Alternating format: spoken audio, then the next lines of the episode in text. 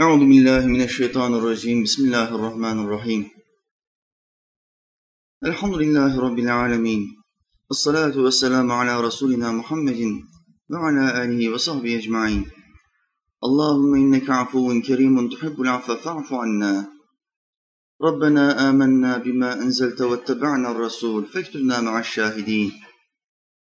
لا إله إلا أنت سبحانك إني كنت من الظالمين. Rabbena atina, Allah'ım bize ver. Bir dünya haseneten, dünyada iyilikler ver. Ve fil ahireti haseneten, ahirette de iyilikler ver. Ve qina azaben nar, bizi ateşin azabından koru. Amin. Rabbena ufirli, Allah'ım beni affet. Ve li valideyye, anamı, babamı affet. Ve lil müminine, bütün müminleri affet. Yevme yekumul hisab, o dehşetli hesap gününde. Amin. Rabbi e'udu bike min hemedati şeyatin.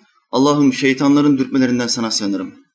Ve e'udu bike rabbi en yahdurun. Onların yanımda hazır bulunmalarından da sana sığınırım Allah'ım. Rabbi şrahli, Allah'ım göğsüme genişlik ver. Ve yessirli emri, işimi bana kolay kıl. Vehlul ugdeten min lisani, dilindeki düğümü çöz Allah'ım. Yefkahu kavli, ki insanlar sözlerimi kolayca anlayabilsin. Amin ya mu'in bi hurmeti Taha ve Yasin. Alemlerin Rabbi olan Allah'ımıza yaratıklarının nefesleri adedince hamdü senalar olsun.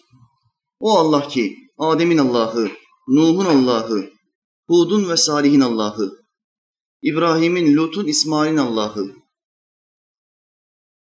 İshak'ın, Yakub'un ve Yusuf'un Allah'ı, Eyyub'un Allah'ı, Şuayb'un ve Musa'nın Allah'ı, Davud'un, Süleyman'ın, İlyas'ın ve Elyasar'ın Allah'ı, Yunus'un, Zekeriya'nın, Yahya'nın ve İsa'nın Allah'ı ve adı dört kitapta ölmüş olan Efendimiz Ahmet'in Allah'ı sallallahu aleyhi ve sellem. Allah'ın peygamberlerine selam olsun. O Allah, o yaratıcı, Kelam-ı Kadim'inde, Kehf suresinde bir ayette biz kullarına şöyle buyuruyor. Sabah akşam Rablerinin rızasını isteyerek yalvaranlarla beraber candan sabret. Sen dünya hayatının süsünü isteyerek sakın gözlerini onlardan ayırma. Şüphesiz Allah doğru söyledi. Rab Teala bu ayeti kerimede bize bir tavsiyede bulunuyor. Bir kümeden bahsediyor bu ayette. Allah'tan bir şeyler isteyen bir kümeden bahsediyor. Sabah akşam bir şey istiyor Allah'tan. Bu küme, bu grup. Kim bunlar? Allah'ın rızası peşinde koşan müminler, cemaat olanlar. Efendimiz Aleyhisselam'ın cemaat olun, Allah'ın rahmeti cemaatin üzerindedir buyurduğu halkalar. Bunların tek bir gayesi var. Sabah ve akşam yalvararak Allah'tan bir şey istiyorlar. Ne? Rıza diyor Mevla. Sabah akşam yalvararak Rablerinin rızasını isteyenlerle beraber ol. Onlarla beraber candan sabret. Allah Teala bizim o grupta Allah'ın rızasını isteyenlerin bulunduğu grupta olmamızı istiyor. Yalnız başımıza olmamızı istemiyor. Keyfimize göre bir din uydurmamızı istemiyor. Ben meali okurum hiçbir cemaate gitmem dememizi istemiyor. Allah bizim bir grubun içinde olmamızı istiyor. Ve diyor ki candan sabret. O yalvaranlarla beraber candan sabret. Neye sabret? Başına bu dünya hayatında gelecek her musibete, her sıkıntıya sabret. Oğlunun başına gelen bacağının kırılması musibetine sabret. Hanımının başına gelen kulağının kesilmesi musibetine sabret. Babanın başına gelen fıtık olma musibetine sabret. Arabanın başına gelen, o sıfır arabanın başına gelen kaza yapma musibetine sabret, candan sabret. Çünkü sen Rablerinin rızasını isteyenlerle berabersen onlar gibi ahlaklı olman lazım gelir. Ayetin bir manası da budur. Candan sabret diyor. Yalnız ayetin devamında Mevla Teala diyor ki bizi bir tehlikeyle korkutuyor. Dünyanın süsü. Sen sakın şu dünya hayatının süsüne aldanıp da gözlerini o hayırlardan ayırma. Şimdi bir, Allah Teala sadıkların ve salihlerin içinde olmamızı istiyor. Onun rızasını isteyenlerin içinde olmamızı istiyor.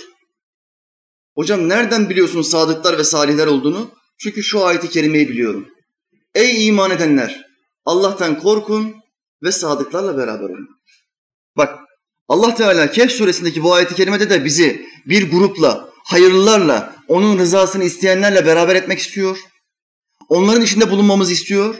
Diğer zikrettiğim ayeti kerimede de sadıklarla ve hayırlılarla beraber olmamızı istiyor. Allah tek olmamızı, kafamıza göre yaşamamızı istemiyor. Cemaatin içinde olmamızı istiyor. Bu İslam'ın prensibidir. Yalnız başına namaz kılmak namaz borcunu kapatır. Sevap da kazandırır. Ama cemaatle yaptığımız namaz gibi olmaz. Efendimiz Aleyhisselam iki hadis söylüyor. Bir, bir kul namazını cemaatle kılarsa normal olarak kıldığı namazın 25 derece üstü sevap alır. Yani çarpı 25. Diğer hadiste 27'yi söylüyor. 27 derece üstün sevap alır. Bak ikisi de namaz kılıyor. Birisi evinde kılıyor, birisi cemaate gidiyor. Neden böyle? Çünkü İslam'da cemaat çok makbuldür, çok önemlidir. Cuma namazı denilen bir özel günümüz vardır bizim, Cuma günü. Müslümanın bayramıdır. Aranızdan bir Müslüman şunu diyebilir mi? Ben cumaları evde kılmayı severim. Cumaları ben evde kılarım. Böyle bir seçeneğimiz var mı bizim? Cuma namazını evde kılan cuma namazını kılmamış sayılır. İş orada kalmaz, tehlike var. Efendimiz Aleyhisselam iki hadisle bizi korkutur. Tehdit eder. Bir, üç cumayı mazeretsiz kılmayan kulun kalbini Allah mühürler. Kalbine mühür vurulmasını istiyor musun? Hocam mührün anlamı nedir? Mührün anlamı şudur. Belediye seni çürük yumurta satarken yakaladı. Çürük meyve satarken yakaladı. Bayat ekmek satarken yakaladı. Sen esnafsın. Ne yapar?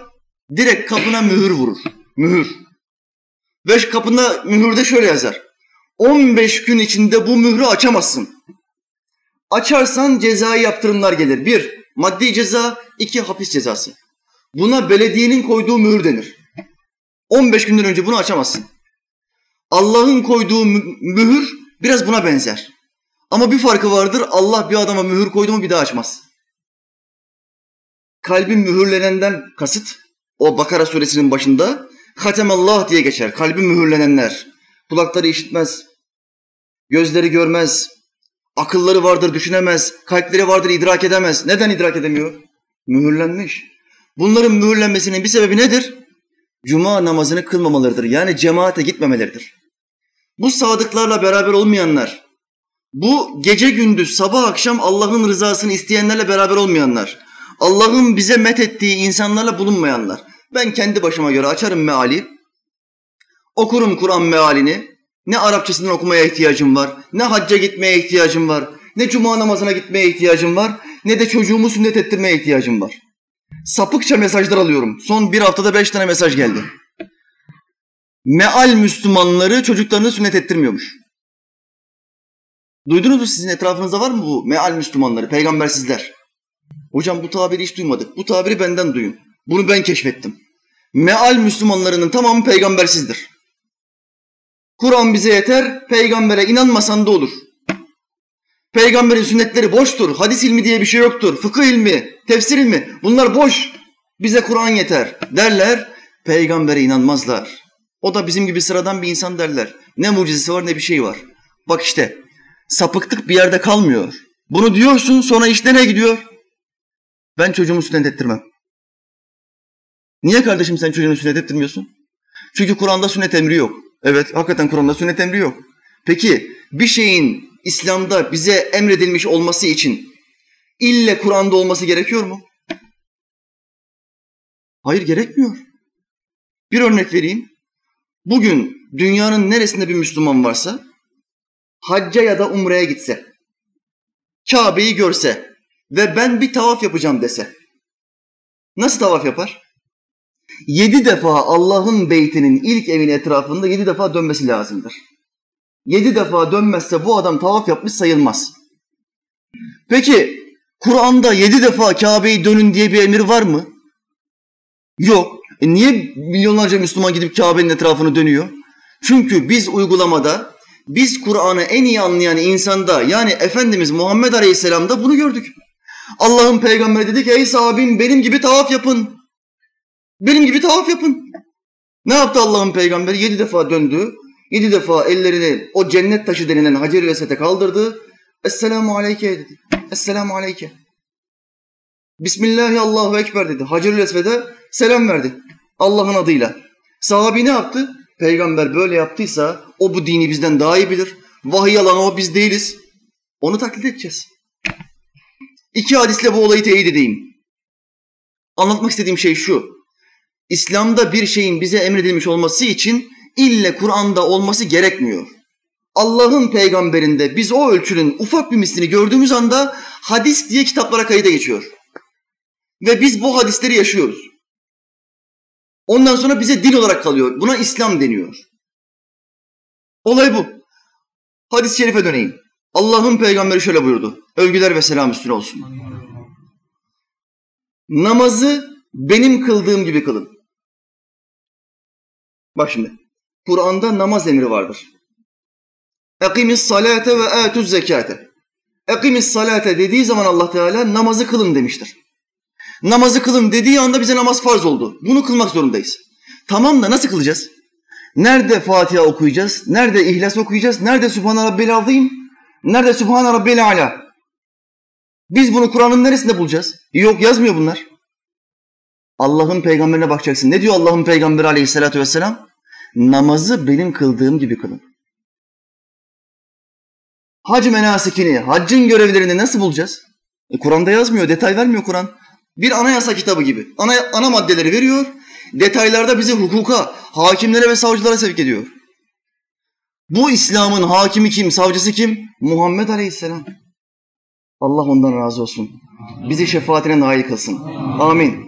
Hac hakkında ne buyuruyor benim peygamberim Aleyhisselam? Hac görevlerini benim yaptığım gibi yapın. Bak, Allah'ın peygamberine tabi olursan salihlerle, halkayla beraber olmuş sayılırsın. O hayırlı insanlarla beraber olmuş olursun. Olmazsan kafana göre din uydurursun. Çocuğunu sünnet ettirmemiş, 10 yaşına gelmiş. Çocuk 10 yaşına gelmiş sünnet ettirmemiş. Kardeşim hayırdır? Niye ettirmedin sünnet? Hocam Kur'an'da baktım ben, tamamını okudum. Sünnet emrini bulmadığım için boş bir emir bu.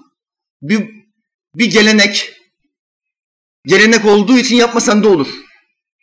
Kafana göre din uydurursun böyle. Meal Müslüman olursan. Meal Müslümanı hocalarının amacı nedir? Kişi sayısı kadar din üretmektir. Çünkü bir adama tefsir okuma, fıkıh okuma, hadis okuma, tasavvuf okuma, akaid okuma, sadece meal oku, meal oku dersen ne demiş olursun? Aç meali oku, kendi hükmünü kendin ver. Kendin pişir, kendin ye. Bu şekilde insan sayısı kadar din üretmek ve İslam'ı tıpkı Hristiyanlık ve Yahudilik gibi tarif etmek istiyorlar. Bunların amaçları, gayeleri, bilinçaltı bu. Allah Teala bu sapkın hocalara fırsat vermesin. Amin. Bir kardeş bize şikayette bulundu. Hocam televizyona çıkan bir hoca 500 bin lira para almış. Ayıp değil mi bu ya? Haram değil mi bu ya? Diye o hocaya güya gidiriyor. Ben de buna dedim ki kardeşim sen ne istiyorsun? Aziz Bayındır çıksın mı? Onu mu istiyorsun sen?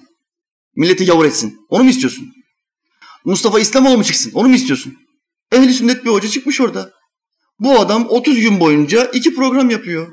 İşini gücünü bırakıyor, çalışmasını bırakıyor ve hizmet yapıyor. Tabii ki bunun bir karşılığı olacak. Ama senin niyetin o değil. Senin niyetin bu en kritik durumlara yani prime time'a, bütün Türkiye'nin izlediği zamana ehli sünnet hocalar gelmesin. Ehli bid'at hocalar gelsin. Allah geleceği bilmez diyen, kadere iman diye bir şey yoktur diyen, imanın şartı altı değil beştir diyen, ben altıyı sevmem diyen sapık hocalar gelsin. Senin niyetin bu. Güya hocayı eleştiriyor, eleştirdiği ehli sünnet. Bırak kardeşim 500 mi? 1500 alsın. Yeter ki ehli sünnet gelsin. Ehli bid'at gelmesin. Millet yavru olacak ya. Bak sünnet ettirmem diyor. Memnun musun? Mutlu musun şimdi? Çocuğunu sünnet ettirmiyor. Gelenekmiş. Bu gelenek kafası şu anda diyor ki başörtüsü diye bir şey yoktur. Soruyorlar bu gelenek kafasına. Efendim siz bir profesörsünüz, din profesörüsünüz. Başörtüsü konusunda ne dersiniz? Bu din profesörü sözüm ona cevap veriyor. Başörtüsü bizim milletimizde bulunan bir gelenektir. Bu bizim ananemizdir, örfümüzdür. Allah'ın hükmüdür diyemiyor. Allah'ın ayetini açık açık gizliyor. Çarpılmış adam. Allah sana hidayet versin. Bir Müslüman nasıl Allah'ın hükmüdür diyemez ya? Sen neyden korkuyorsun? Kimi kırmayayım diye korkuyorsun? Sen farkında mısın? Yaratıcını kırıyorsun. Allah'ın ayetini gizliyorsun. Bile bile hakkı gizlemeyin. Ayetini nereye koyacaksın? Efendimiz Aleyhisselam'ın şu hadis-i şerifini nereye koyacaksın? Bid'atler ortaya çıktığı zaman hakkı gizleyene Allah lanet etsin. Devrimiz bid'at devri. 72 tane sapık fırka var. Vehhabisi, Şiisi, Mutezilesi, Mücessimesi, Reformisti, Mealcisi, Hadis inkarcısı. 72 tane sapık fırka var. Bundan daha büyük bid'at zamanı çıkmadı. Gelmedi. Şimdi sen susacak mısın? Biraz ilmin varsa şu İslam akaidini, ehli sünnet itikadını biraz biliyorsan anlatmak zorundasın. İnsanlara bildirmek zorundasın. Onu kırmayayım, bunu kırmayayım muhabbeti adamı kafir eder. Allah Teala bu insanlara hidayet nasip etsin. Amin.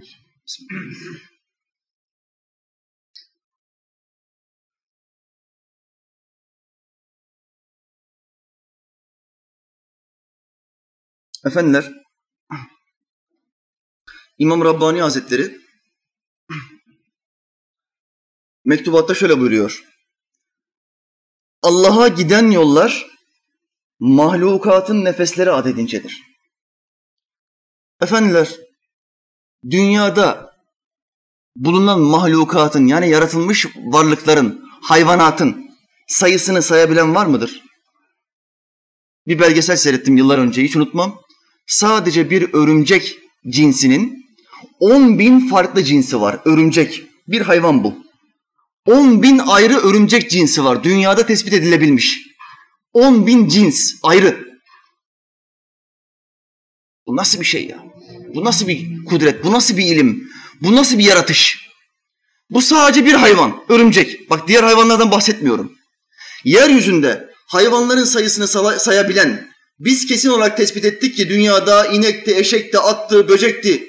Bunların tamamının sayısı 264 trilyon 345 milyon. Dur diyebilen bir ilim dalı çıktı mı? Sayamazsın. Hayvanatın miktarını sayamazsın. Allah Teala Kur'an'da söylüyor. Yeryüzünde size verdiğimiz nimetleri saymaya kalksanız sayamazsınız. Sayamazsınız. Gücünüz yetmez. Şimdi imam diyor ki yarattıklarının nefesleri adedincedir. Allah'a giden yollar mahlukatın nefesleri adedincedir. Bırak mahlukatın sayısını, onların nefeslerinin sayısı kadar Allah Teala'ya götüren yol vardır. Kardeşler, imamın bu sözüne dayanarak hiçbiriniz kendi yolunuzda olmayan, ehli sünnet olan ama kendi yolunuzda olmayan insanlara sakın ola ki tek yol bizim yoldur, sizin yolunuz batıldır demeyin. Çünkü Allah'a götüren yollar milyonlarcadır, binlercedir. Binlercedir. Ayet-i kerimede ne buyuruyor Mevlamız? Bizim yolumuzda savaşanları yollarımıza eriştiririz. Bir, parça parça gideyim. Bizim yolumuzda savaşanları. Ne demektir bu? Allah'ın yolunda cihad eden, onun yolunda ilim öğrenen, onun, onun yolunda öğrendiği ilimleri insanlara ücretsiz dağıtmaya çalışan bir adam olduğun zaman Allah seni yollarına eriştirir. Yollarından mana nedir? Kendini bilme yolu, kendine yakın olma yolu, kendini tanıma yolu, peygamberine aşık olma yolu, sahabiye benzeme yolu, cennetin yolu. Bunlar Allah'ın yollarıdır. Bir yolda sabit ve daim olduğun zaman ve diğer yollarda olan, diğer doğru yollarda olan insanları eleştirmediğin, aşağılamadığın zaman, kibir yapıp sadece ben varım demediğin zaman Allah seni yollarına eriştirir. Bu da yolların çok olduğunun delillerinden bir tanesidir. Bu yollardan bir tanesi nedir? Nakşibendi yoludur. İslam tarihinde 12 tarikat vardır. 4 hak mezhep, 12 tarikat. 12 tarikatın 12.si hangisidir? Bizim içinde bulunduğumuz, mevcudu olduğumuz, dervişi olduğumuz Nakşibendi tarikatı. 11 tarikat gelmiştir. Nakşibendi tarikatı en son gelmiştir. Piri kimdir? Ebu Bekir Sıddık'a dayanır. Ama ismini aldığı veli Behaeddin Nakşibend Hazretleri'dir. Allah Teala bu velinin yolunda ayaklarımızı sabit kılsın. Amin. Amin.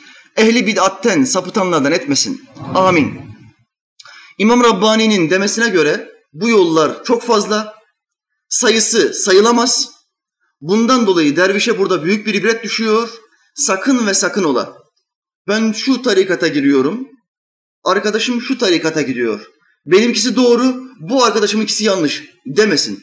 Ehli sünnet olduktan sonra, dört hak mezhepten birine tabi olduktan sonra bunların tamamı doğrudur.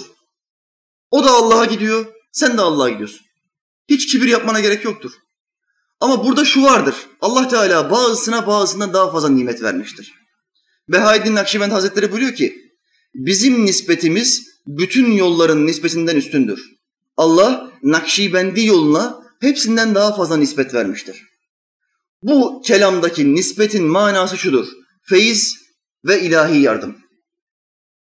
Feyiz ve ilahi yardım bir kulun kalbine geldiği zaman o kulda ibadete karşı bir iştiyak, Allah'ın emirlerini yerine getirme konusunda bir rahatlık, bir kolaylık usule gelir. 30 yaşına gelmiş ve alnı secdeye gitmemiş bir adam iki tane sohbete gider.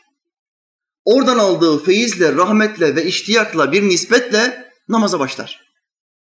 Bu yolun yani silsilenin vermiş olduğu bir muhabbettir, bir rahatlıktır. Allah hayırlılarla, gece gündüz Rablerinin rızasını isteyenlerle beraber olduğu için okul, onun kalbine bir nispet verir.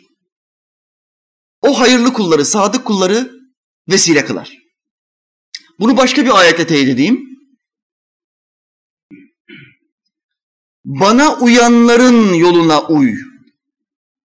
Lokman suresi. Bak Allah Teala biz kullarına diyor ki bana uyanların yoluna uy. Bana uy demiyor Allah Teala burada. Peygamberime uy da demiyor. Bir genelleme yapıyor ve şöyle diyor. Bana kim uyuyorsa salihler içinde, diğer ayette zikrettiğim Allah'ın rızasını yalvararak isteyenler içinde bana uyduğunu gördüğün kim varsa sen onlara uy. Onlar seni bana getirir. Sadıklarla beraber olursak kurtuluruz. Hevamızla beraber olursak şu ayete muhatap oluruz. Hevasını ilah edilini gördün mü? Ona sen mi vekil olacaksın ya Muhammed? Sallallahu aleyhi ve sellem. Ona sen mi vekil olacaksın? Şimdi adam keyfine göre bir din uydurmuş, hevasına göre bir yol çizmiş. Hiçbir hayırlı cemaatte, ehl sünnet cemaatte değil, keyfinin cemaatinde, kafasına göre yeni bir din uydurmuş. Peygamberin yolundan ve salihlerin yolundan ayrılmış. Şimdi Allah Teala peygamberimize diyor ki, buna sen mi vekil olacaksın? Sen mi bunu kurtaracaksın? Bu senin yolunda değil ki. Sen niye bunu kurtarmanın peşindesin? Sen niye kendini yıpratıyorsun? Bu sana kucak açmadı. Bu sana ölü diyor. Bu peygamber benim gibi insandır diyor. Sıradan bir adamdır diyor. Sen niye buna şefaat etme gayretindesin? Bu Allah'ımızın Efendimiz Aleyhisselam'a yaptığı ihtardır. Her şey yerli yerince olmak zorundadır. Hak edene hakkı verilir. Ama peygamberi tanımayana, o da benim gibi sıradan bir insanda bir postacıydı. Mektubu bıraktı, çekti gitti, işi bitti diyen adama Allah'ın peygamberi şefaat etmez. Şefaat etmeyenlerin şefaat etmediklerinin burnu yerde sürter. Hem bu dünyada hem öbür dünyada. Bak Allah'ın peygamberini her gün aşağılıyorlar. Bu burnu yerde sürtünüyor demektir. Bundan daha büyük bir çarpılma olamaz. Binden fazla mucizesi kayıtlı olan bir peygambere onun hiçbir mucizesi yoktur diyor. Profesör adam. Çarpılmış. Çarpılmış. Efendiler Allah bu salihlerin, bu hayırların yolundan bizi ayırmasın. Amin. Bu salihler o kadar önemlidir ki bak Yusuf Aleyhisselam ölmeden önce nasıl dua ediyor Kur'an'da? Teveffeni minel müslimin. Ya Rabbi teveffeni minel müslimin. Beni Müslüman olarak öldür. Hepimizin hafızasına nakşetmesi gereken bir duadır bu. Allah'ın peygamberi imanlı gideceği kesin. Ama duaya bak. Teveffeni beni vefat ettir. Minel müslimin. Müslümanlardan vefat ettir. Ve elhakni mines salihin ve beni salihlerin arasına kat. Ya senden daha salih var mı? Sen peygambersin. Allah'ın peygamberi niye Kur'an'da böyle dua ediyor? Bize örnek veriyor. Allah peygamberinin ağzından bize örnek veriyor. Bu peygamber olmasına rağmen bu benim hayırlı kulum, salih kulum, salihlerle beraber haşrolmak istiyor. Ey benim garip kulum, ey benim peygamber yapmadığım sıradan kulum. Sen tek başına mı gelmek istiyorsun mahşere? Allah bize bunu anlatmak istiyor. Kardeşler, Allah ayaklarımızı bu hayırlı yollardan ayırmasın. Amin.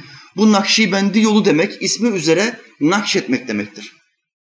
Allah Teala Hazretleri bu yola sürük etmiş olan bir dervişe yolunda daim olursa, zikir dersinde sadık ve daim olursa, gece gündüz ayette geçen o kullar, o hayırlılar gibi Rabbinin rızasını isterse onun kalbine bir şeyi nakşeder. Nedir o? La ilahe illallah Muhammedur Resulullah. Bir kulun kalbine bu tevhid nakş olduğu zaman bu adamın imansız gitme ihtimali çok düşer. Hocam kesin olmaz mı? Hayır. Peygamber olmadıktan sonra şeytanın bizim sapıttırma ihtimali her zaman vardır. Bizim bu dünyada yapacağımız bütün iş ihtimalleri, riski en minimuma indirmektir. Yüzde 99.9 imanlı gitme. Hedef bu. Yüzde yüz yok. Yüzde yüz imanlıyım dediğin zaman zaten kafir oluyorsun. Emin olmuş oluyorsun. Allah bizi şımarıklardan etmesin. Amin. Amin. Şimdi kul Allah'ı tesbih ettikçe Allah Teala lafza-i celali Allah ismini onun kalbine yazmaya başlar. Yolun büyükleri ona hayır dua eder, ona nazar eder. Kalbe lafza-i celal Allah ismi yazıldığı zaman o kul diliyle Rabbini zikretmese bile kalbi zikretmeye başlar. Yani bir örnekle anlatmam gerekirse kardeşler arabaya oturuyoruz. İşe doğru gideceğiz. Anahtarı ne yapıyoruz? Kontağa koyuyoruz. Allah'ı zikir demek kontaktaki anahtarı çevirmek demektir. Çevirdin, olmadı. Çevirdin, olmadı. Üçüncü hamleyi yaptın, kontak çalıştırdı arabayı. Şimdi araba çalışıyor. Bir daha kontağı çevirir misin? İş bitti artık. Kontak ne için? Çalıştırmak için, ateşlemek için. Bujiler ateşlenir, akü ateşlenir. Ondan sonra araba çalışır. Araba çalıştıktan sonra bir daha kontağı çevirmeye ihtiyaç ve hacet yoktur. Allah'ı zikir de bir araçtır. Niçin? Arabayı çalıştırmak için gerekli olan bir araçtır. Kalp arabası. Bu kalbi çalıştırıncaya kadar hayatımızda, hareketlerimizde ne iş yaparsak yapalım hiç kalbimiz Allah'ı unutmayacak. Nakşibendi yolunun vermek istediğim mesaj budur. Özellik budur. Çanta dikiyorsun, dinleniyorsun, yatıyorsun, tramvaya bindin, işine gidiyorsun. Hanımınla yemek yemeye gittin. Birisine bir şeyler anlatıyorsun. Bu işlerin tamamını yaparken bu zikredecek. Bu zikrettiği zaman Allah Teala Hazretleri hatırdan hiçbir zaman çıkmayacak. Nakşibendi demek bu demektir. Hadise budur kardeşler.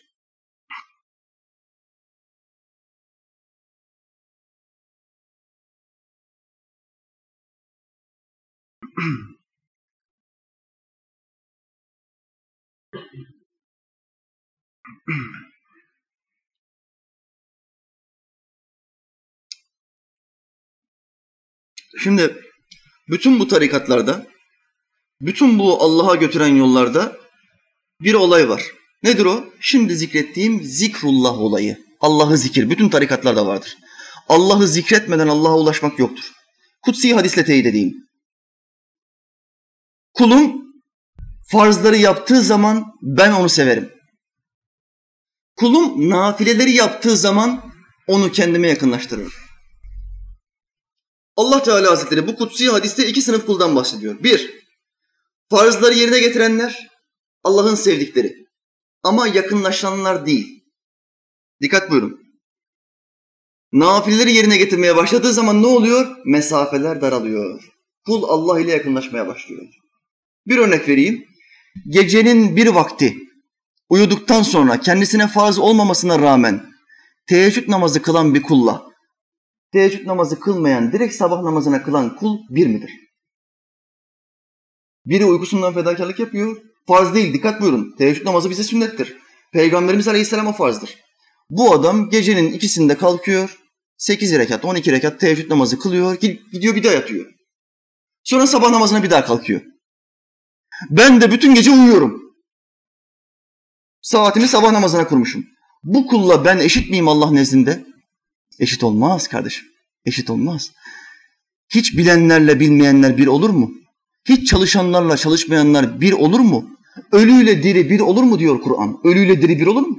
Gece vakti kalkmış, kalbini diriltmiş, Allah'ı zikrediyor, secdelere kapanıyor. Peygamberin en büyük sünnetini yerine getiriyor. Teheccüd kılıyor. O adamla biz bir olur muyuz? Şu halde kul nafilelerle Allah'a yakınlaşır. İkinci sınıf kul budur. Bir tarikatın vermek istediği mesaj bu. Biz Allah'ın sevdiği kul olmaktan daha ziyade ona yakın olmak istiyoruz, onu bilmek ve tanımak istiyoruz. Biz bu yüzden tarikata girdik. Bu yüzden peygamber ve sahabinin yaşamı anlamına gelen tarikata girdik, tasavvufa girdik. Onlara benzemek istiyoruz. Biz sadece namaz kılıp oruç tutup zekat vermek istemiyoruz. Biz sahabi gibi olmak istiyoruz. Tasavvuf demek özetle ne demektir? Elhamdülillah. Peygamber ve sahabisi gibi yaşamaya çalışanlar demektir. Bütün 11 tarikatta bu zikrullah dersi hep açıktan yapılır. Allah, Allah, Allah. Buna cehri zikir denir. Kadirisi, ham, diğer tarikatlar, 11 tarikat. Bu tarikatların tamamı açık zikreder. Açık, sesli zikir. Cehri zikir denir buna. Nakşibendi tarikatı, bizim mensubu olduğumuz tarikat nasıl zikreder? Hafi zikir yapar, içeriden. Zikri öyle bir yapar ki dili damağına dayar ve kalbe zikrettirmeye çalışır. O bahsettiğimiz arabanın çalıştırma durumunu yerine getirmek için. Öyle bir zikir yapar ki zikri ne melek duyacak yazacak, ne şeytan duyacak bozacak. Sadece ihlas olacak. Ben bu zikri sadece Rabbim için yapıyorum diyecek. Nakşi yolu bunu ister. En son gelmiştir Nakşibendi tarikatı ama nispeti, feyzi ve muhabbeti en kuvvetli olan tarikattır. Efendimiz Aleyhisselam bunu nasıl anlatıyor hadiste? Zikrin hayırlısı hafi olandır, gizli olandır. Rızkın hayırlısı kafi olandır, yeterli olandır. Çok fazla büyük bir rızık peşinde koşturduğun zaman dengeyi kaybedersin. Yahudi gibi dünya için fazla çalışırsın, ahireti unutursun.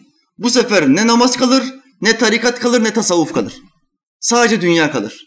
Ama üstte zikrettiğim ayeti kerimede Allah Teala ne buyuruyor? Bak bizi ikaz ediyor. Sakın sen dünya hayatının süsüne aldanıp da gözünü bu salihlerin üzerinden ayırma. Şimdi bu salihlerin içindeyiz elhamdülillah. Gözlerimiz bunun üstünde. Ama bazen dünya hayatının süsü öyle süslü ki dünya, öyle sağlam bir imtihan ki, öyle bir zor imtihan ki bu süs bizim aklımızı alıyor. Ve dengeyi kaybediyoruz. Gözlerimiz kayıyor. Allah dostlarından gözlerimiz kayıyor. Başka şeylere gidiyor. Şöhrete gidiyor, paraya gidiyor, pula gidiyor.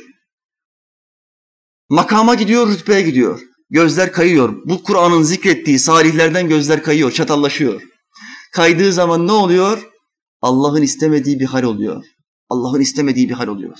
Gözler hep bir yerde olacak. Şaşı bakmayacak. Mevlana'mız anlatıyor. Bir kokucu çırağı vardı. Ustası dedi ki kokucu çırağına, çırak git içeride bir tane şişe var bana getir koku doldurayım. Çırak tamam dedi ama çırak şaşıydı. İçeriye gitti bir baktı iki tane şişe var. Geri döndü usta buyur oğlum sen bana bir tane şişe var dedin ama burada iki tane şişe var. Evladım sen yanlış görmüşsün orada bir tane şişe var. Çırak dedi ki peki usta bir daha gideyim bakayım. Gitti bir daha baktı. iki tane şişe var. Bir daha geldi ustaya. Usta iki tane görüyorum ya. Peki oğlum dedi sen şişelerden bir tanesini al yere at kır. Kalanını getir. Çırak gitti içeriye şişeyi aldı bir yere attı bir döndü baktı şişe yok. Anladı ki çırak iki değil birmiş. Bunun gözleri şaşı olduğu için biri iki görüyor. Dervişlerden bazıları zayıf derviş olduğu için gözleri şaşıdır. Hem dünyaya bakar hem Allah'ın kitabına bakar. Hem dünyaya bakar hem Allah'ın peygamberine bakar. Allah bunu istemiyor. Şaşı olmayacaksın. Allah'ın peygamberine bak ben sana dünyayı veririm. Allah'ın kitabına bak, salihlere bak. Gece gündüz Allah'ın rızasını isteyenlere bak ben sana dünyayı veririm. Örnek Ebu Bekir Sıddık. Zenginlerin en zengini. Örnek Osman. Allah onlardan razı olsun. Zenginlerin en zengini. Koca Müslümanlar ordusunu tek başına mücehhez etti. Silah aldı, at aldı, zırh aldı Osman. Allah Teala cennette ellerini öpmeyi bu dervişe nasip etsin. Amin. Amin. Kardeşler bak Allah'ın peygamberinden gözlerini çevirmediler bu insanlar. Tek kişiye baktılar, tek kişiye baktılar. Allah da nimet verdi. Ebu Bekir Sıddık'ı anlatan siyer kitaplarında ne diyor? Allah Resulü'nün dostu çok zengindi. Bütün malını İslam'a verdi, fakir oldu. Allah onu bir daha zengin yaptı. Şimdi bu öyle bir mücahit ki bütün malını İslam askerlerine dağıtıyor. Köleleri satın alıyor, Müslümanlaştırıyor. Fakir oluyor. Ama Allah Teala bir daha zenginleştiriyor. Sen fakir olmak istiyorsun ama ben senin hakkında çok rızık yazdım. Bir daha zenginleştiriyor. Ebu Bekir Sıddık üç defa zengin oldu, üç defa fakir oldu. Siyah kitaplarında böyle geçer. Niye böyle? Ya niyet hayır, akıbet hayır kardeşler. Bizde niyet bozuk kardeşim. Niyet bozuk. Aman zekat zamanı geldi şimdi. Ramazan geldi. Dur bakayım şuradan kısabilir miyim? Şuradan kısabilir miyim? Yok ben bir senenin vereceğim elektrik paralarını da hesap edeyim zekattan düşeyim. Şeytanlığa bak. Siz bu şeytanlıkları bilmezsiniz. Bana böyle mesajlar geliyor. Hocam spor salonuna yazıldım. E bir sene boyunca spor salonuna vereceğim parayı zekatından düşebilir miyim? Siz hiç böyle soru gördünüz mü? Arnavut olursa sorar. Bana bu mesaj bir Arnavut'tan geldi. Spor salonuna gidiyor. Oraya bir yıllık para vermiş. Bunu da diyor zekattan düşebilir miyim diyor. Kafaya bak, hesaba bak. Hani e, kredi kartını yatırmış oraya, kredi kartından çekmişler. Her ay bundan para keseceklermiş. Oradan hesaptan düşecek. Nereden kurtarabilirsem, nereden çekebilirsem Allah'ın rızasına vereceğim zekattan ne kurtarabilirsem. Müslüman kafası bugün bu. O yüzden dünyanın her tarafında eziyiz. Her tarafında bizimle oyuncak gibi oynuyorlar. Bir bizim ülkemiz kaldı son kale. Onların ele geçiremediği, düşman oldukları. Bir bizim ülke. Allah Teala nasip etmesin, fırsat vermesin. Mısır gitti. Suriye gitti. Çeçenistan gitti. Filistin gitti. Her taraf onların elinde. Oyuncak gibi kafaya bir adam koydular. Ne derlerse yapıyor. Bir biz kaldık. Allah Teala bu kafirlere, bu Yahudilere, Hristiyanlara fırsat vermesin. Amin. Amin. Kardeşler, yol böyle bir yoldur. Sadıklarla ve salihlerle beraber olursak Allah bizi şaşırtmaz. Gözlerimizi şaşırt, şaşırtmazsak Allah bizi şaşırtmaz. Tek göreceğiz, tek bakacağız. Onlarla beraber olacağız. Sadıklarla beraber olacağız ve Allah'ın ayaklarımızı bu güzel mekandan kayırmaması için bol bol dua edeceğiz. Allah bizi şaşırtmasın. Hak Teala Hazretleri bize çok ciddi bir düşman vermiştir. Ayaklarımızı bu yoldan kayırtmaya çalışan bir düşman. Nedir bunun ismi? Hadis-i şeriflerde geçen, Kur'an'da geçen nefs. Nefsinin hevası. Nefsini ilah edileni gördün mü? Allahu Ekber. İnsan nefsini ilah edildi mi? Görmediği bir şey. Bu bizim içimizdeki bir kuvvet. Bunu görmüyoruz. Nasıl ben bunu ilah edeceğim? Kul Allah'ın dediklerini yapmadığı zaman keyfinin dediğini, nefsinin dediğini yaptığı zaman nefsini ilah etmişlerden olur. Buna nefsine tapan adam denir. Dünyada bir mezhebe tabi olmayan hiçbir insan yoktur. Bu mezhepsizler var ya bu biz Kur'an'dan başkasına bakmayız, peygambere inanmayız diyenler. Bunların da mezhebi vardır. Bunların mezhebi de mezhepsizliktir. Mezhepsizlik mezhebi. Peygambersizlik mezhebi. Mezhepsiz insan yoktur. Hepsinin bir gidişatı vardır. Mezhep demek yol demektir. Sen kendini düşün ey Müslüman. Ya şeytan mezhebindesin ya Allah'ın peygamberinin mezhebindesin. Muhakkak bir yerdesin. Ya da nefsin mezhebindesin. Ateistler hangi mezheptendir? Nefsin mezhebi. Onlar nefsini ilah edindi. Onlar nefsin hevasına uydu. Onlar nefsin mezhebinde gidiyor. Ona tapıyorlar. Allah bunlara hidayet nasip etsin. Allah'ın peygamberi aleyhisselam nefsi tarif ediyor. Senin en büyük düşmanın iki kaşın arasındaki nefsindir. Bizim en büyük düşmanımız kimmiş? Şeytan mı diyor? Amerika mı diyor? Allah'ın peygamberi bizden daha iyi bilir. Fransa mı diyor en büyük düşman? Hayır. Bunları söylemiyor. İki kaşının arasındaki nefsindir diyor. Sen buna dikkat et. Sen bunu terbiye et. Eğer sen bunu terbiye edersen Allah'ın sevdiği hayırlı bir kul olursun. Ama eğer sen bunu şımartırsan bir çocuk gibi olursun. Çocuk devamlı ister ve tatmin olmaz. Bu nefis bir ateş gibidir. Odunu attıkça daha fazla ister. Çocuktan temsil getireyim. Bir çocuğunuz olduğu zaman bu çocuk sizden bir oyuncak istediği zaman bu çocuğa bir oyuncak aldığınız zaman o orada bitmez. Çocuk bir oyuncak daha ister. İkinci oyuncağı da aldığınız zaman tatmin olur mu? Olmaz. Çocuğu olanlar bilirler. İki oyuncak daha ister. Çocuğunuza bir bilgisayar oyunu yüklediğiniz zaman onunla tatmin olmaz. Başka bir oyun daha ister. Nefis çocuk konumundadır. Asla tatmin olmaz, hep daha fazlasını ister. Tasavvuf yolu nefse düşman olan bir yoldur. Çünkü nefis insanın en büyük düşmanıdır. Dış düşman daha zayıf düşmandır, iç düşman en büyük düşmandır. Sahabenin sözüyle teyit edeyim.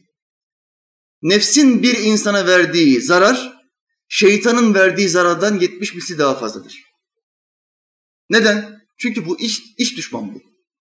Dış düşman zaten belli. Fransa, Amerika, Yunanistan. Bunlar dış düşman.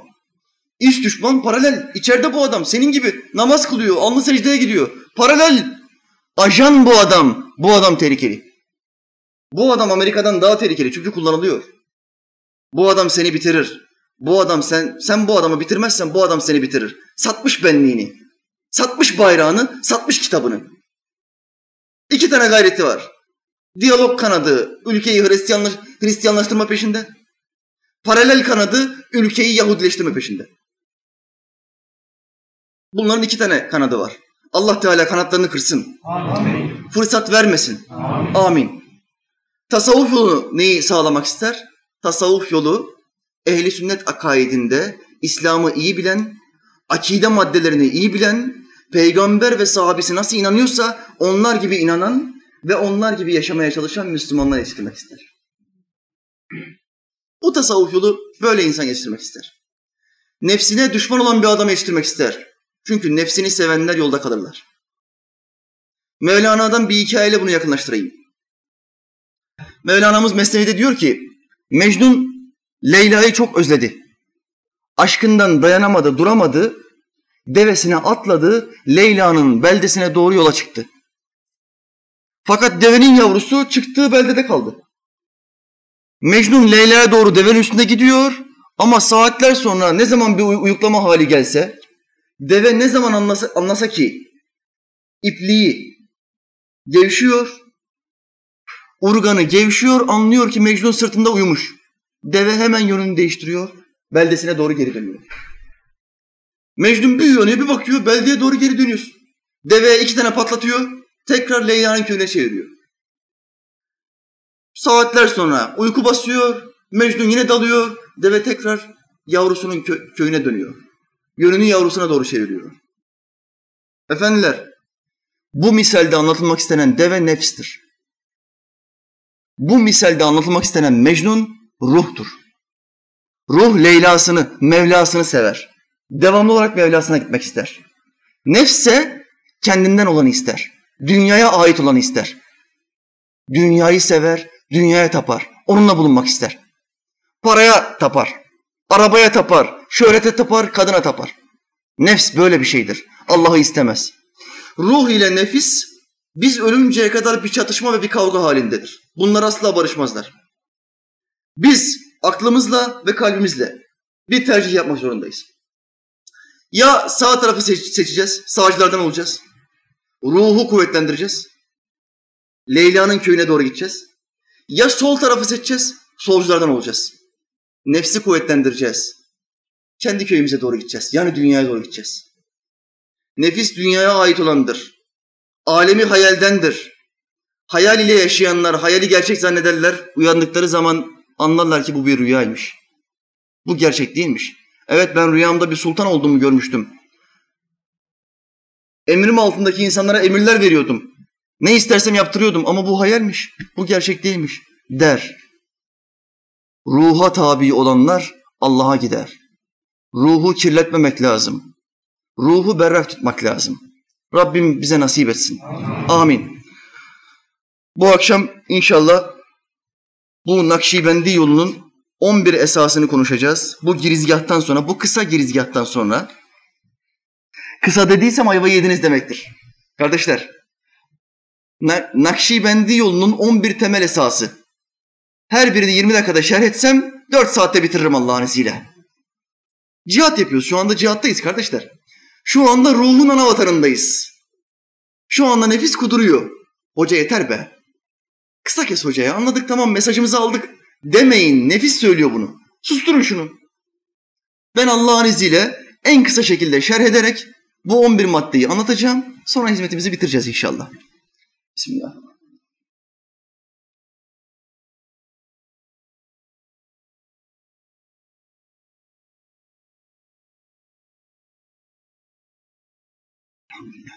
Kardeşler, Nakşibendi tarikatına, bu tasavvuf yoluna girmiş olan bir adam, Nakşibendiliğin 11 esasını bilmek zorundadır. 11 edep. Nasıl daha geliştirebilirim kendimi? Nasıl Allah'ın Resulüne daha çok benzeyebilirim? Nasıl Allah'a yakınlaşabilirim? Sorularının cevabı bu 11 maddededir. Eğer Allah Teala Hazretleri bunları yerine getirmeye bizi muvaffak ederse yakınlaştığımızı fark edeceğiz. Neye fark etmemiz gibi? Sobaya yakınlaştığımızı fark etmemiz gibi. Bir adam sobadan 5 metre uzaktaysa ısınır. Ama sobaya 1 metre yakınlaşırsa daha fazla ısınır. Bu adam sobaya yakınlaştığı anda yakınlaştığını fark eder mi? Hisseder mi?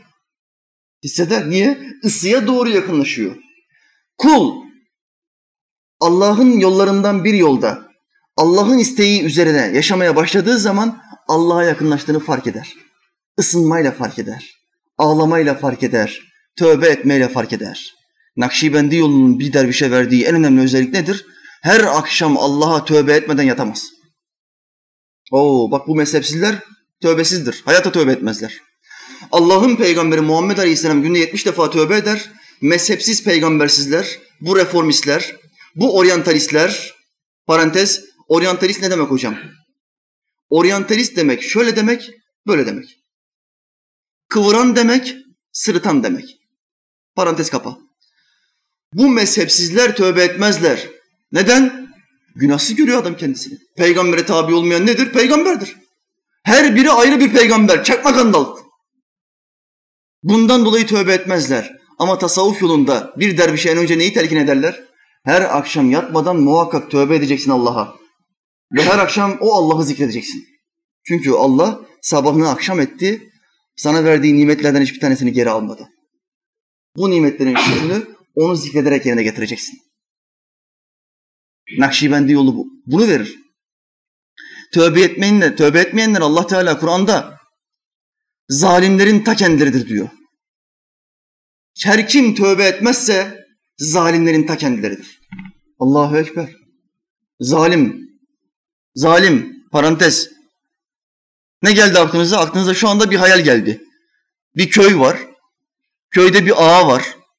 Çizmeleri dizlere kadar gelmiş, çamurlar içinde. Elinde bir tane kırbaç. Zalim bir ağa. Hayalinizde şu anda bu canlandı. Zalim bu değil. Zalim Allah'ın dinini gizleyendir. Zalim günahkar olmasına rağmen, bir peygamber olmamasına rağmen, aciz bir kul olmasına rağmen Allah Teala'ya tövbe etmekten geri durandır. İşte en büyük zalimler bunlardır. Kur'an böyle söylüyor. Tasavvuf yolu kula her akşam tövbe etmeyi hatırlatır. Allah'ım ben bugünümü geçirdim. Yemeğimi yedim, çalıştım, rızkımı kazandım.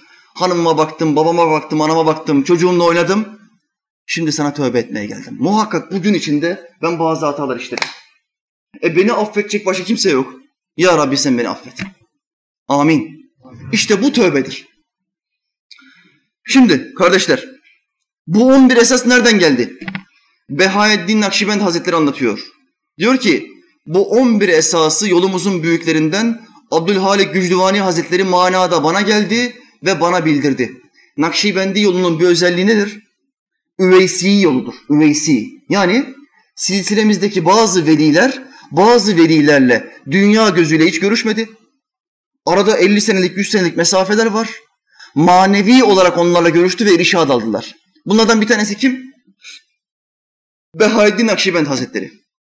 Kendisinden 100-150 yıl kadar önce hizmet yapmış, İslam'ı tebliğ etmiş Abdülhalik Gücdüvani Hazretlerinden ders almıştır. Bana tevhidi öğretti.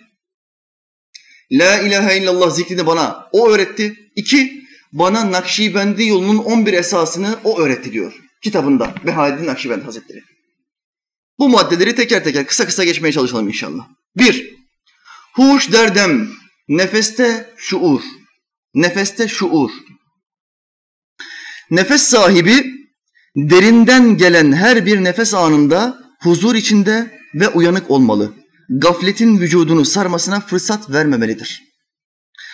Behaeddin Nakşibend Hazretleri bu esası şöyle açıklar. Bu yolda işin temeli nefesi korumak üzerine kurulmuştur. Yani bütün gücü nefesi korumaya yöneltmek ve her nefesi huzur içinde almaya hasretmek lazım gelir. İçinde bulunduğun anı en iyi şekilde değerlendirmen seni geçmişe hatırlamak ve geleceği düşünmekten uzak tutarak nefesi boşa harcamanı önler.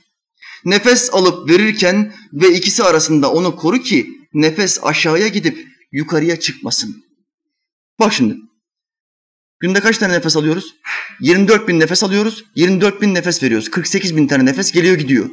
Hiçbirimiz bunu oturup saymıyoruz. Hiçbirimiz nefes alırken yorulmuyoruz. Ağırlığı duymuyoruz. Çok nefes aldım, midem ağrımaya başladı demiyoruz. Allah Teala bir mekanizma yapmış, ciğerler devamlı çalışıyor. 48 bin gel git oluyor. Şimdi tasavvuf yolu bize bir şey vermek istiyor, bu Nakşi yolu. Diyor ki nefeste kontrol. Ben bu nefesi her alıp verişimde Allah'ı zikrediyorum. Hu ne demektir? Hu Arapçada o demektir. O dediğimiz zaman akla ilk olarak kim gelir? Yaratıcı gelir. Şu halde derviş nefes alıp verirken bu nefesi kendisine ücretsiz bir şekilde bahşeden Allah Teala'yı düşünürse ve her nefesinde ona teşekkür etme zihniyetinde olursa bu derviş nefesini kontrol altına almış demek. Ama bu derviş her nefesini öfkeyle, heyecanla, şehvetle alıp verirse, ani ve hızlı hareketler yaparsa ve gaflete düşerse nefesin şükrünü eda etmemiş olur. Dolayısıyla bir derviş olarak kalamaz. Gafillerden olur. Siz görmüyor musunuz? Öfkeyle koşturuyor, koşturuyor, koşturuyor dükkana. Gidiyor. Ben sana bunu böyle yapacaksın demedim mi diyor eleman arkadaşına. Ondan sonra da küfrü basıyor. Nefes nefese. Bu adam nefesinden gafil adam demektir. Bu adamdan derviş olmaz. Çok sağlam tövbe yapması lazım. Bir odaya kapanması lazım ve Allah'tan bol bol af ve mağfiret dilemesi lazım. Kalbine hidayetin inmesi için Allah'a yalvarması lazım. Madde 2. Nazar ber kadem. Ayağa bakış. Salik yani Allah yoluna sülük eden, yapışan, bırakmayan demektir salik. Şehirde, kırda, çarşıda, pazarda, velhasıl her yerde gidip gelirken huzurunun dağılmaması ve bakılmaması gereken yere ilişmemesi için bakışını ayağına çevirir. Bizim bakışlar nerede dervişler? Kafalar yukarılarda. İslam'a göre kafalar yukarılarda olmayacak. Kafalar önde olacak. Allah Resulü ve sahabesi bu tasavvuf nereden geliyor? Bunlar uydurmadı. Allah Resulü ve sahabesi Allah onlardan razı olsun. Bakışları hep öndeydi. Bakışları hep önde. Sağa sola bakmıyorlar. Bak Efendimiz Aleyhisselam'dan bir örnek vereyim sana. Bir kul gözlerini bir evin içerine dikerse, bir evin camından, penceresinden içeriye gözlerini dikerse ve bakarsa, ev sahibi de evin içinden bir taş atarsa ve bu bakan, evine bakan kulun gözünü delerse ve onu kör ederse, ev sahibine bunun için bir günah yoktur. Allahu Ekber. Bir Müslüman, dikkat buyurun bak hadise bak. Bir Müslüman bir Müslümanın gözünü çıkartıyor ve gözünü çıkartan Müslümana günah yazılmıyor. Neden? Çünkü bir Müslümanın evine bakmak caiz değildir. Evin içine bakmak caiz değildir. Pencereden içeriye bakmak caiz değildir. Haramdır. Şimdi Müslümanların evlerinin içi yarım perdelerle dolu. Perdeler böyle tam değil. Yeni moda bu. Yarım perde. Üstten aşağı perde var. Perdenin yarısı yok. Kesilmiş. Niye böyle bu? Modaymış. Evin yarısı görünüyor, yarısı görünmüyor. Var mı böyle bir şey? Adamın günaha girmesine sen aldığın perdeyle vesile oluyorsun. Müslümanı karısı kandırıyor. Yeni moda böyleymiş diyor Müslümana. Müslüman derviş olmasına rağmen kadına kanıyor. Fetvayı bilmiyor. Gidiyor yarım perdeyi alıyor. Fantezi perdesi. Sonra dışarıdaki komşuları evin içini gözleyebiliyor. Hem ona günah yazılıyor hem de o perdeyi oraya astığın için sana günah yazılıyor. Allah'ın peygamberi şöyle buyuruyor sallallahu aleyhi ve sellem. o evin içindeki adam, o dışarıdan evine bakan adama bir taş atsa, gözünü çıkarsa buna günah yoktur. Bu iş böyledir. Gözler camlarda olmayacak kardeşler. Bakın sokaklarda yürüyoruz. Çarşıda pazarda yürüyoruz. Kadınlar bazen bilinçsiz, İslam'ı bilmeyen kadınlar açık saçık çıkıyor orada halıyı silkeliyor. Orada örtüyü silkeliyor. Silkelerken baş kalkarsa ve bu kadına bakarsa evin içine bakmış adam konumunda olursun. Hocam kadın dışarı çıkmasın. Ya o onun hatası. O onun günahı bizi bağlamaz. Biz kendimizi bundan koruyacağız. Biz bundan kendimizi sakındırmamız lazım. Nasıl yapacağız? Allah dostu ölçüyü vermiş. Nazar, bakış, ber kadem ayakta olsun. Allah Resulü ve sahabesi böyle yaptı. Bakış ayakta olsun. Derviş bize soruyor internetten. Hocam verdiğiniz hadisleri ezberleyemiyorum. Zikrettiğiniz ayetleri ezberleyemiyorum. Hafızam çok zayıf. Verdiğiniz reddiyeleri okuyorum okuyorum. Açıklama yapmam lazım. İnsanların yanlışlarını anlatmam lazım. Aktaramıyorum. Hafızam çok zayıf. Bana bir ölçü verin. Kardeşim şu ölçüyü yerine getir. Nazar ber kadem. Önüne bak. Bizim bakışlar devamlı dışarıda hafıza toparlanamıyor. Kendimizi düşünemiyoruz. Günümüzü düşünemiyoruz. Nefesimizi düşünemiyoruz. Tefekkür edemiyoruz. Çünkü bakışlar dağınık. Hep kafa başka yerlerde. Bir önüne bak be kardeş. Böyle derviş olmaz. Sonra hafızam zayıf. Zayıf olur tabii. Üç. Sefer der vatan. Vatanda yolculuk. Salikin, dervişin kötü ahlaktan ve doğuştan gelen beşeri sıfatlardan uzaklaşması yani beşeri sıfatlardan meleki sıfatlara, kötü sıfatlardan güzel sıfatlara intikal etmesi demektir. Şimdi biz bu tasavvuf yoluna girmeden önce bir yaşamımız vardı. Etrafımızdan gördüğümüz gibi yaşıyorduk. Komşumuz, mahallemizdeki arkadaşlarımız öfkelendiği zaman küfür ediyordu. Biz baktık bu küfür ediyor. Normal olan bu. Biz de küfür ediyorduk. Komşumuz, arkadaşlarımız kızlarla çıkıyordu. Biz de diyorduk ki normal olan bu. Kızlarla çıkmak normal.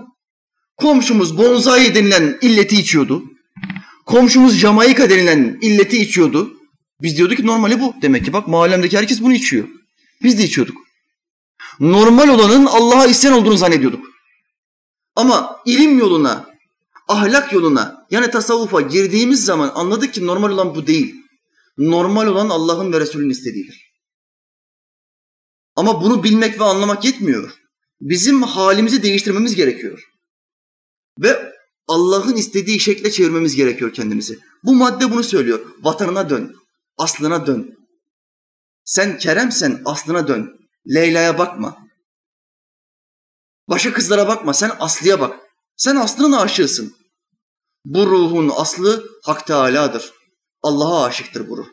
Şu halde önündeki engelleri kaldırın ve bunu Allah'a götürün.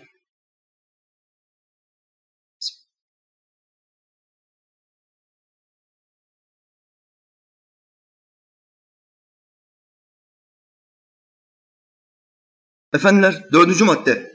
Halvet der encümen. Toplulukta yalnızlık. Hacı Behaeddin Nakşibend Hazretlerine sizin tarikatınızın binası hangi temel üzerine oturmaktadır? diye soruyorlar. Mübarek cevap veriyor. Halvet der encümen. Toplulukta yalnızlık. Bunun anlamı ne? Zahirde halk ile beraber olacak derviş, yani dağ başına kaçmayacak, yalnız başına yaşamayacak, halkın içinde olacak ama maneviyatta Allah ile beraber olacak. Allah Teala Hazretleri ayet-i kerimede bazı kulları met ediyor, övüyor. Ticaret ve alışverişin kendisini Allah'ı zikretmekten, zikretmekten alıkoymadığı kullar. Ticaret yapıyor, alışveriş yapıyor, yemek yiyor halkın içinde ama Allah'ı zikirden alıkoymuyor. Bu yaptığı işler onu Allah'ı zikirden alıkoymuyor. Allah bu kulu met ediyor. İşte tasavvuf yolundaki bu madde bizi buna sevk etmek istiyor. Sakın ola ki halktan ayrılma. Halkın içinde bulun, onlara faydalı ol. Edindiğin güzel ahlakları onlara kopyalayıp yapıştırmaya çalış. Onlara öğretmeye çalış. Onları da Allah'ın peygamberine sevk et. Onlardan ayrılma. Bu yolun bizden istediği budur.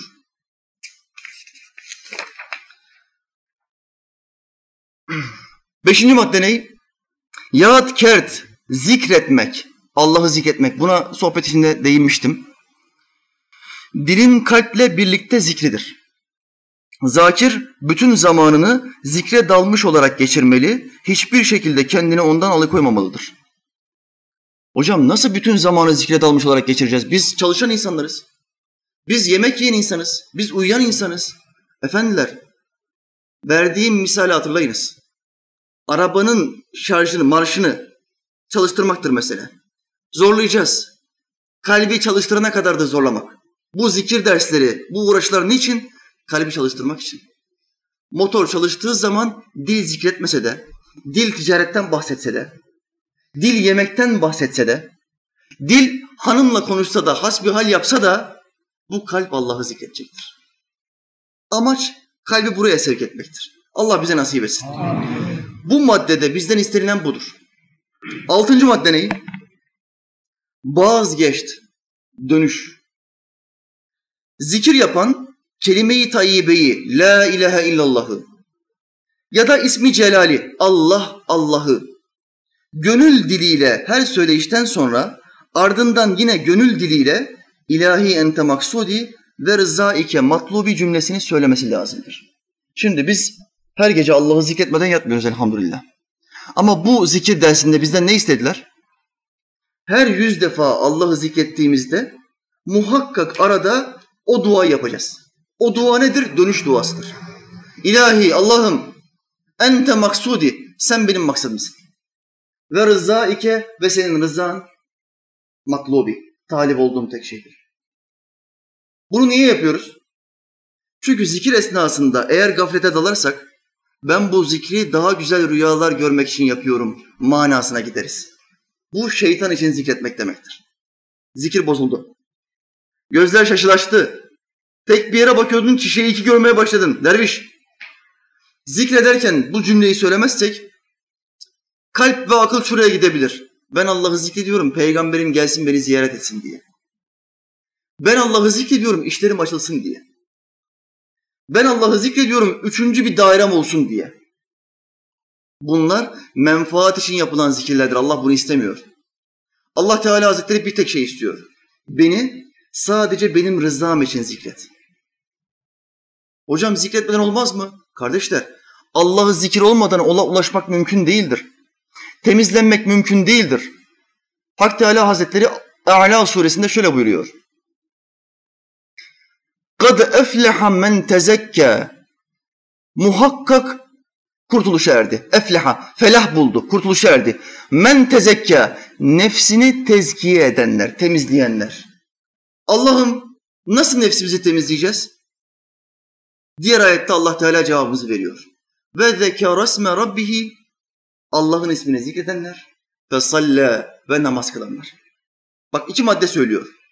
Bir, nefsi temizlemek için Allah'ı zikredeceğiz. Anlattığım meselelerin tamamı. İki, yetmiyor. Namaz da kılacağız. Bu iki maddeden bir tanesi eksik olursa o adamın nefsi temiz olmaz. Takip edin. Adam hacı, hacca gitmiş. Namaz da kılıyor. Ama camiden çıkar çıkmaz gıybet yapıyor. Temiz mi bu adam? Hocam hacı adam üç defa hacca gitti ben gördüm. Temiz değil, gıybet yapan adam pis demektir. Adam hacı küfür ediyor. Adam hacı kadına kıza bakıyor. Bu adam temiz mi? Pis bu adam, kirli bu adam. Temizlememiş, bir şey eksik. Ya namazı eksik, ya zikre eksik. Bir şey eksik olduğu için nefsini temizleyememiş, nefsini temizleyemediği için içi dışına aksetmiş. Ve pis olmuş. Vehhabiler bu gibi ayet kelimeleri nasıl yorumlarlar? Sapkın gruplardan bir tanesi Vehhabi Selefiliktir. 72 sapık fıkhadandır. Bunlar zikre bid'at derler. Allah'ı zikirle alakalı geçen bütün ayet-i kerimeleri reddederler ve şöyle derler. Buradaki zikirden mana namaz kılmaktır. Bu söz batıldır. Çünkü Allah Teala delille ispat edeceğim ve tezlerini çürüteceğim tek ayette şöyle buyuruyor. Ve zekerasme rabbihi ve salla. Hem Allah'ı zikredeceksin hem de namaz kılacaksın. Şayet Allah'ı zikir namaz olsaydı Allah bunu tek kelimeyle söylerdi. Namaz kılarsan temizlenirsin derdi. Ama Allah bu ayette diyor ki temizlenmek için hem namaz kılacaksın hem de zikredeceksin. Ayrı ayrı zikrediyor. Buradan şu delil çıkıyor. Zikir ayrı, namaz ayrıdır. Vazgeçt. Yani dönüşü yapmamızın gayesi nedir? Tesbihatta gaflete dalmayalım. Kaç çektim? 800 çektim. Hadi bit artık. Hadi bit artık. Hadi bit. Allah diyorsun. Hadi bit demiyorsun. Kardeş. Allah derken hala hala da demeyeceksin. Bak dervişlerin çoğunluğu hala diyor. Allah demiyor. Hala hala hala hala. Adetlerin bir an evvel bitmesi ve yatağa yatma fantezisinin hakim olduğu bir akıl Allah demez, hala der. Adetler bir an evvel bitsin yatağa yatayım. Kardeşler, bütün gün yemeğini yedin. Bütün gün nimetleri aldın. Allah rızası için Allah'ı hala demeden zikret. Allah de, Allah. Bana bir tesbih verin kardeşler, tesbih. Yakında deney tüpleriyle geleceğim. Her şeyi size göstere göstere öğretmem lazım. Bak şimdi, bak. Kardeşin tesbihi de maşallah çok sistemli, çok ince. Tesbih güzel, zikir zayıf. Tesbihlerin en güzellerini alıyorsunuz. Bir kardeşim mesaj yolladı. Hocam yüz kağıda bir tesbih aldım diyor. Bir zevkle zikrediyorum diyor. Yahu tesbihin parasıyla zikir olur mu? Ne alakası var? Tesbihin en pasif tesbih bile olsa, iki liralık tesbih bile olsa maksat manayı almaktır, adedi bulmaktır. Şimdi derviş Allah zikrini yaptığı zaman ne yapacak? Gözler kapalı, kalbe bakıyor. Kalbin tam ortasında siyah bir nokta hesap edecek. Bu noktaya en sünnet alimleri Süveyda der. Siyah nokta. Bütün kötü isteklerimiz bu noktadan gelir. Zikir ne için vardır? Bu noktayı olabildiğince ufaltacağız. Her tesbih tanesinde çekiyoruz. Allah, Allah dediğimiz anda bir su damlası hayal edeceğiz. Buna feyiz denir. Feyiz suyu. Su damlası kalbimizin üstündeki o siyah noktaya inecek.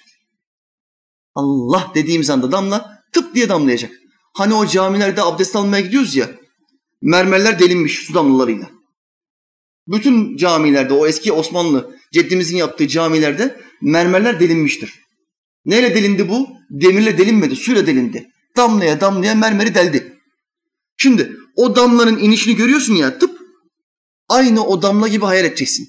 Kalbindeki o kirli mermere, o taşa su damlası iniyor. Allah'ın rahmet damlası. Allah dediğin anda damlayı bırakacaksın. Bu yüz olduğu zaman, bir tur döndüğü zaman niyetin kaymaması için Allah'ım ben senin için zikrediyorum. Başka hiçbir gayretim yoktur. Bu madde bunu anlatıyor kardeşler.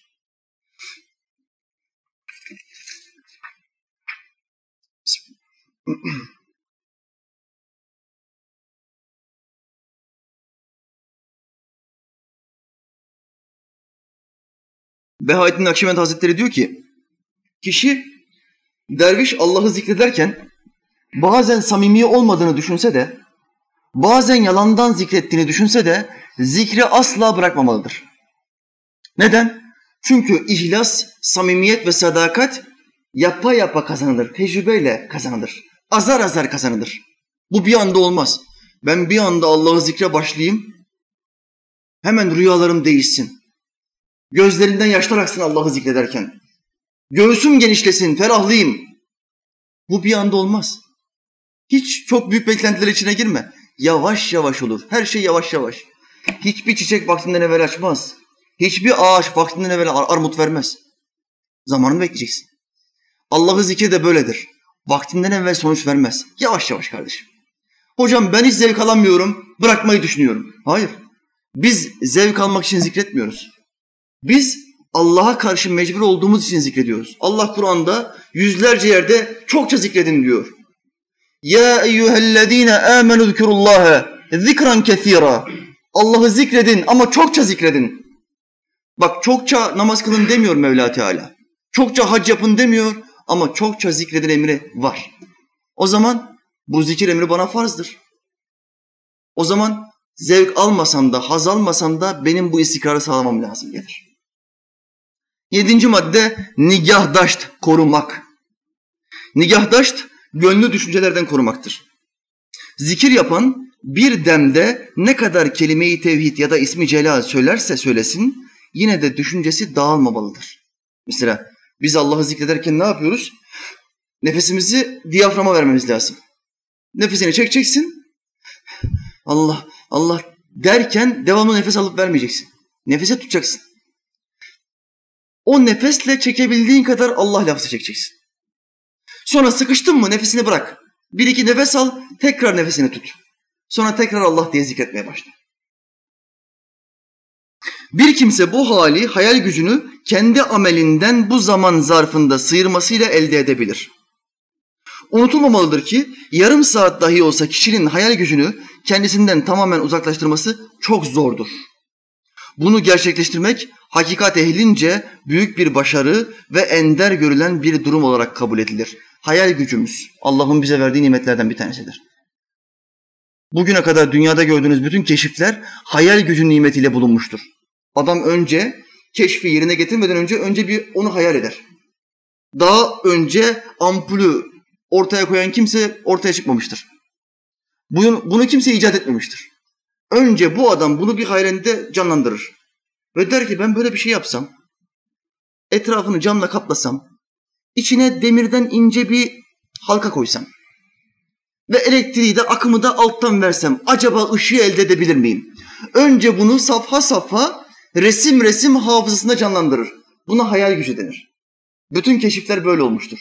Allah bu nimeti biz kullarına vermiştir. Biz kullarsa bu nimeti ya şehvet konusunda hayal gücü olarak kullanırız ya da yeni şeyler üretme konusunda hayal gücü olarak kullanırız. Kitap yazan bir adam, şiir yazan bir adam, reddiye yapan bir adam, sohbet yapan bir adam. Önce bunu hayal gücünde bir canlandırır. Ama bu hayal gücünde canlandırmak o işi yapmak demek değildir. Onu icraate dökmen lazım gelir. İcraate döktüğün anda sana sanatçı denir. Şimdi Behaeddin Nakşibend diyor ki yarım saat bile olsa hayal gücünü kendinden soyutla, uzaklaştır. Kendini düşünme. Allah'ın yarattıklarını düşün. Ve bunların seninle hiçbir bağlantısı olmasın. Sen kendini devreden çıkart. Sadece onu düşün. Bunu sağlamak çok zordur. Rabbim bize nasip etsin. Sekiz. Ya daşt, hatırda tutmak. Hak Sübhanehu ve Teala'yı daima hatırda tutmak demektir. Allah'ımızı devamlı hatırımıza tutacağız. Ama şekil vermek yasak. Bizim dinimizde Allah'a şekil vermek yasaktır. Siz Allah'ın zatını düşünmeyin, buna güç yetiremezsiniz. Siz Allah'ın yarattığı nimetleri düşünün buyuruyor benim peygamberim aleyhisselam. Dolayısıyla zatını düşünmeyeceğiz. Yarattığı nimetleri hatırda tutacağız. Bundan önceki esaslar bu halin gerçekleşmesini sağlamak içindir. Yaddaşt Cenab-ı Hakk'ın zati sevgisinin gönüle yerleş, yerleşmesiyle olur. Yani kul yaptığı bütün ibadetlerden sonra Allah'ın sevgisinin kalbine yerleşmesini isteyecek. Bu yerleşmeden sonra da yaddaşt olacak. Yani Allah'ı hatırlama. Devamlı onun kendisini gözlediğini ve işittiğini bilme. Allah'ın devamlı kalbine vakıf olduğunu bilme. İçinizdekini gizleseniz de, açığa vursanız da Allah onu bilir. Ayetinin sırrına erme. Dokuz, vukufu zamani, zamanı kontrol. Behaydin Nakşibend bu esası şöyle açıklar. Dervişin amelini tam olarak yapabilmesi ve isteklerine ulaşabilmesini sağlayan vukufu zamani, kulun hallerine vakıf olması, her nefeste halinin şükrü mü yoksa özrü mü gerektirdiğini bilmesindir. Şimdi sen kendi haline vakıf olacaksın ey derviş. Senin o son bir saat içindeki hallerin şükrü mü gerektiriyor? Allah'ın sana verdiği nimetlerin peşinde şükür etmen lazım? Yoksa bazı kötülükler yaptın da özür mü dilemen lazım? Günahlarına tövbe mi etmen lazım? Buna vukufu zamani denir. Zamanına vakıf. Geçirdiği saatlere vakıf. Gece yat, yastığına başını koyduğunda artın mı fazla, eksin mi fazla? Acaba o gün Allah benden razı mı yoksa bana kızgın mı? Rabbim bana kızgın olarak mı yatacağım, uyuyacağım, sabaha varacak mıyım, varmayacak mıyım? Derviş vukufu zamanidir. Derviş zamanına vakıftır. Son geçirdiğim iki saatten Allah Teala razıdır. Bana razı olduğu bir ameli yaptırdı. Benim şimdi şükretmem lazım. Örnek vereyim. Bir buçuk iki saatten beri buradasınız. Tövbemizi yaptık, oturduk, sohbete başladık. Şimdi bu iki saat için vukufu zamanide nasıl olmamız lazım? Bu iki saatimden Allah razıdır. Elhamdülillah. O zaman ne yapacağız? Bu iki saate şükredeceğiz. Allah'ım sana şükür bana nasip ettin kalbime bu sohbete gelme isteğini verdin. Bir arkadaşım beni davet etti. Benim kalbime gelme isteğini verdin. Nefsimi zorladım ve geldim. Elhamdülillah burada bulundum. İlim meclisinde bulundum. Sevapları kaptım, ilimleri öğrendim. Sana hamdolsun ya Rabbi. Bak vukufu zamanide derviş bu mecliste olduğu için Allah'a şükreder. Ama dışarıda olan adam, sohbete gelmeyen adamsa özür sahibi olmalıdır. Ya Rabbi sohbet zamanıydı ben bu akşamı gafletle geçirdim. Sohbete gitmedim. Senden özür diliyorum Allah. Sen bana böyle hayırlı bir kapıyı nasip ettin. İlim öğreneceğim, kendimi geliştireceğim. Bununla kalmayacağım, etrafımdaki insanları geliştireceğim. Ama ben nefsime uydum, bahaneler uydurdum ve sohbete gitmedim. Af diliyorum Allah'ım. Kalbimi çevir ve senin yoluna sevk et. Bunu yapan adama vukufu zamani denir. Derviş.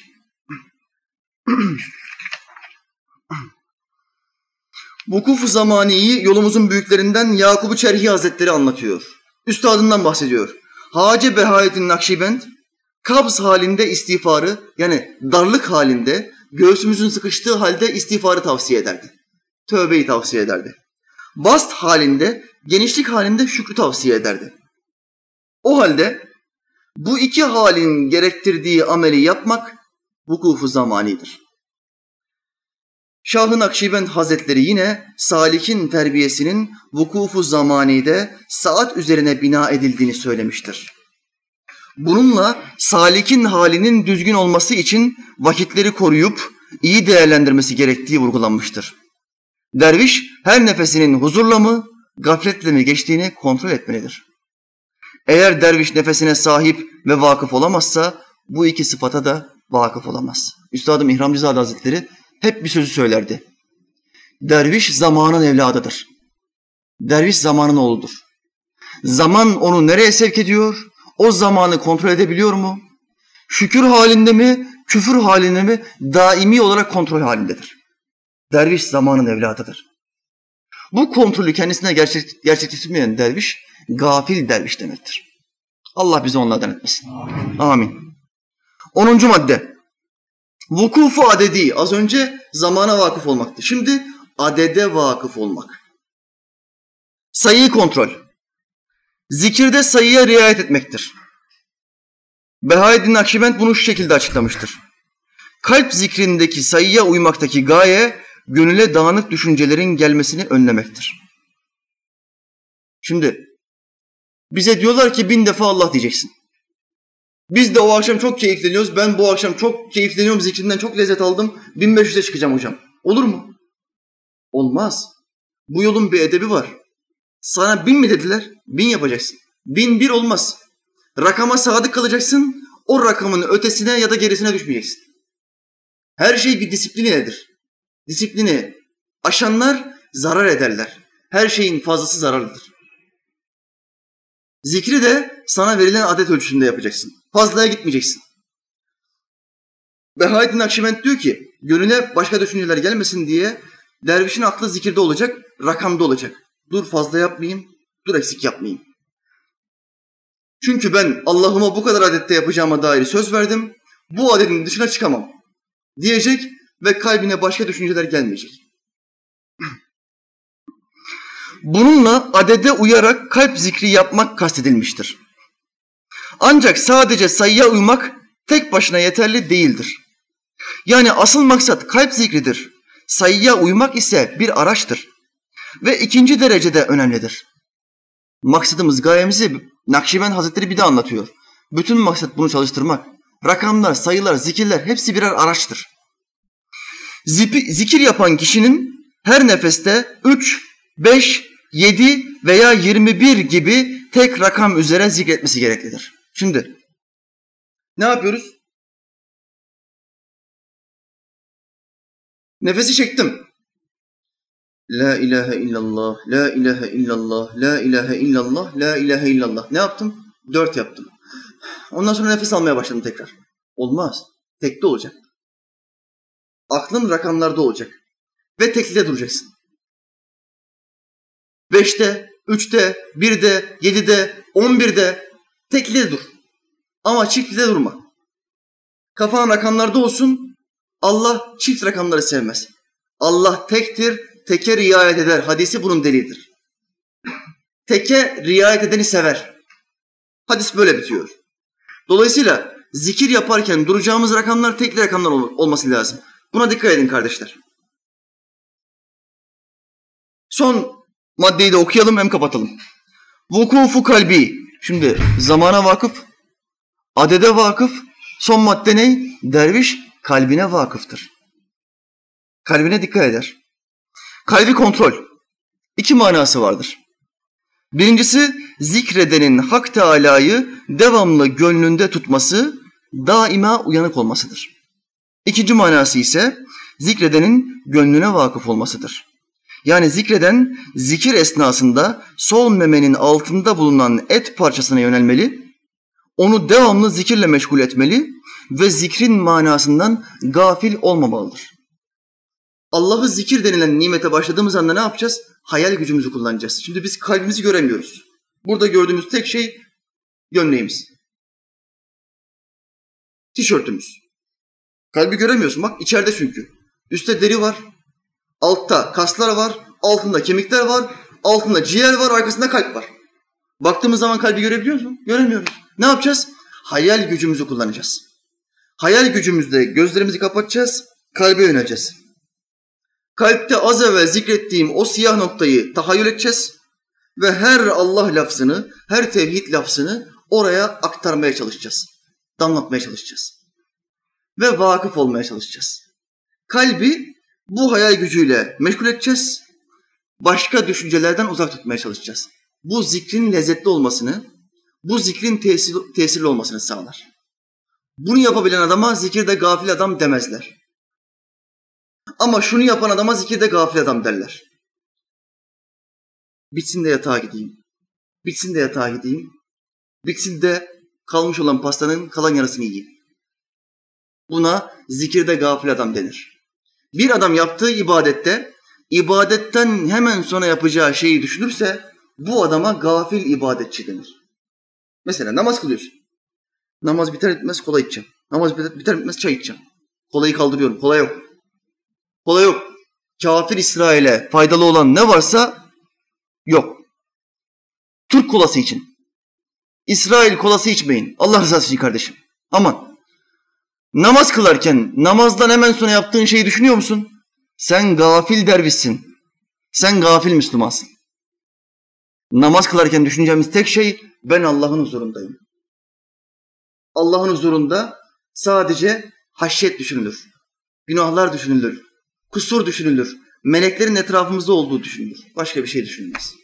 Allah Teala Hazretleri bu Nakşibendi yolundan istifade etmeyi bize nasip etsin. Amin. Bu velilerin yolundan ayrılmayı, ayağımızın kaymasını bize göstermesin. Amin. İmanla yaşamayı, imanla ölmeyi bize nasip etsin. Amin. Salihlerle beraber haşrolmayı bize nasip etsin. Amin. Cennette peygamberlerle komşu olmayı bu dervişlere nasip etsin. Amin. Amin ya mu'in. والحمد لله رب العالمين. الفاتحة.